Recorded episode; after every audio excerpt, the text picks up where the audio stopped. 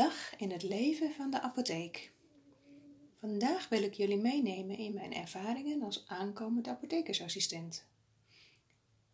Welkom, mijn naam is Mariette Verkijk en binnenkort ga ik stage lopen bij Boets Apotheek Heemskerk. Voordat ik met deze podcast begin, zal ik eerst wat meer over mezelf vertellen. Hoe ben ik ertoe gekomen om de opleiding tot apothekersassistent te gaan volgen? Na het voortgezet onderwijs heb ik het secretaresse-diploma behaald en heb ik een aantal jaar gewerkt als secretaresse bij onder andere Tata Steel.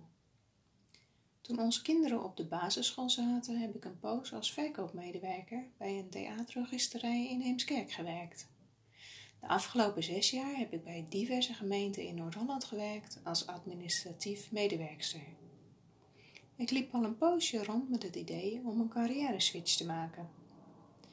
Vorig jaar besloot ik het roer om te gooien en in september ben ik als zij-instromer gestart met de versnelde opleiding tot apothekersassistent bij het ROC van Amsterdam. Deze podcast gaat over mijn stage als apothekersassistent bij Boets Apotheek Heemskerk. Het lijkt me heel leuk om bij deze apotheek stage te gaan lopen, omdat er wordt gewerkt volgens een vernieuwend concept waarbij ook een uitgebreid assortiment zelfzorggeneesmiddelen gezondheidsproducten en schoonheidsproducten te koop is. Het concept lijkt op de apotheken zoals je ze in het buitenland ook wel tegenkomt. Hierbij komt mijn werkervaring bij de theaterregisterij goed van pas en ik vind het leuk omdat er meer afwisseling is dan bij een doorsnee apotheek. Met welke doelgroepen zou ik het liefst tijdens mijn stage in de apotheek in aanraking willen komen? Met kinderen en zwangere vrouwen. Het lijkt me heel leuk om met kinderen te werken, omdat ze vaak spontaan en enthousiast zijn. Het werken met zwangere vrouwen vind ik heel speciaal. De zwangerschap is zo'n bijzondere periode in je leven. Ik heb zelf drie kinderen en kijk met plezier terug op mijn zwangerschappen. Welke doelgroep verwacht ik het meest tegen te komen in de apotheek? En wat valt mij op aan deze doelgroep? Ik denk dat ik het meest migranten tegenkom, mensen van wie de moedertaal niet Nederlands is. Zij hebben vaak moeite om zich goed uit te drukken, omdat ze de Nederlandse taal niet beheersen. Hierdoor zijn ze vaak ook wat onzeker. Het lijkt me een mooie uitdaging om deze cliënten goed te helpen en ze tevreden de deur uit te laten gaan. Ik hoop dat ik hen ook kan helpen om zich wat meer zelfverzekerd te voelen, door hen rustig en met respect te behandelen en alles goed uit te leggen. Ik pas mijn gedrag in de apotheek tijdens mijn stage aan de doelgroep aan door rustig en duidelijk te praten en oogcontact te maken. En door open vragen te stellen om na te gaan of ze mijn instructies hebben begrepen. Hierbij is een open en sensitieve houding heel belangrijk.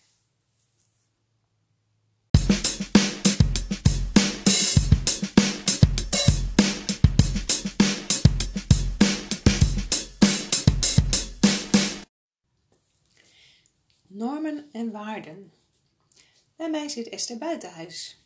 Ik ga in gesprek met haar over haar ervaringen in de apotheek. Hallo Esther, welkom bij mijn podcast. Dankjewel. Bij welke apotheek ben jij klant?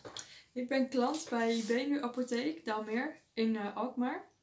Het heette eerst Benu Apotheek, maar sinds ongeveer een jaar hebben ze de naam veranderd. Uh, ik hoop dat ik het goed uitspreek.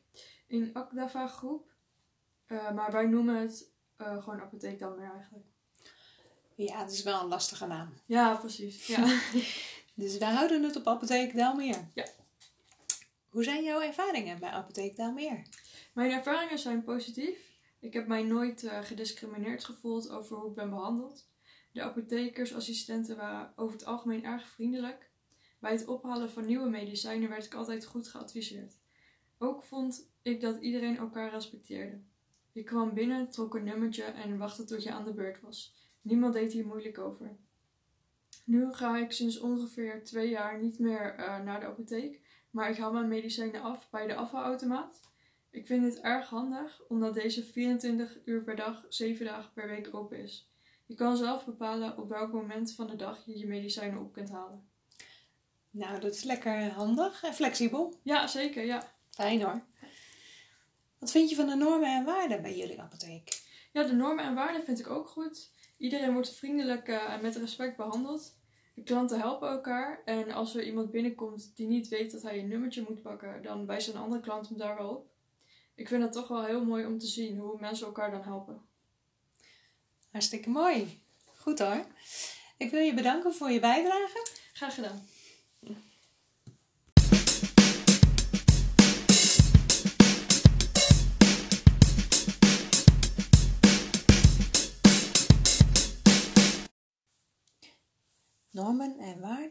Altijd hand in hand, dus ook in de apotheek.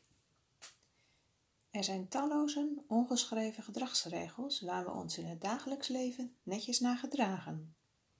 Vaak gebeurt dat vrijwel vanzelf, zonder dat we erover nadenken. Zo zit het in ons systeem verankerd. Ieder land, en dus ook Nederland, heeft idealen of overtuigingen die we graag nastreven.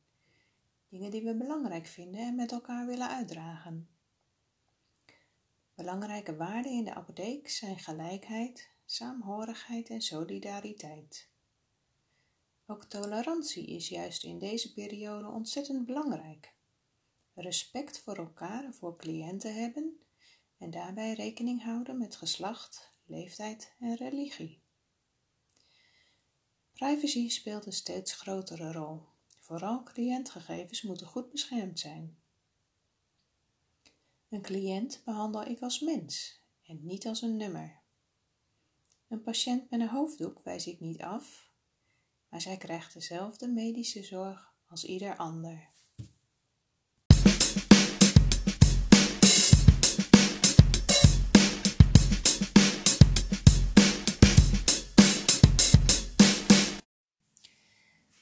Bedankt voor het luisteren en graag tot de volgende podcast. Het maken van de podcast vond ik een uitdaging.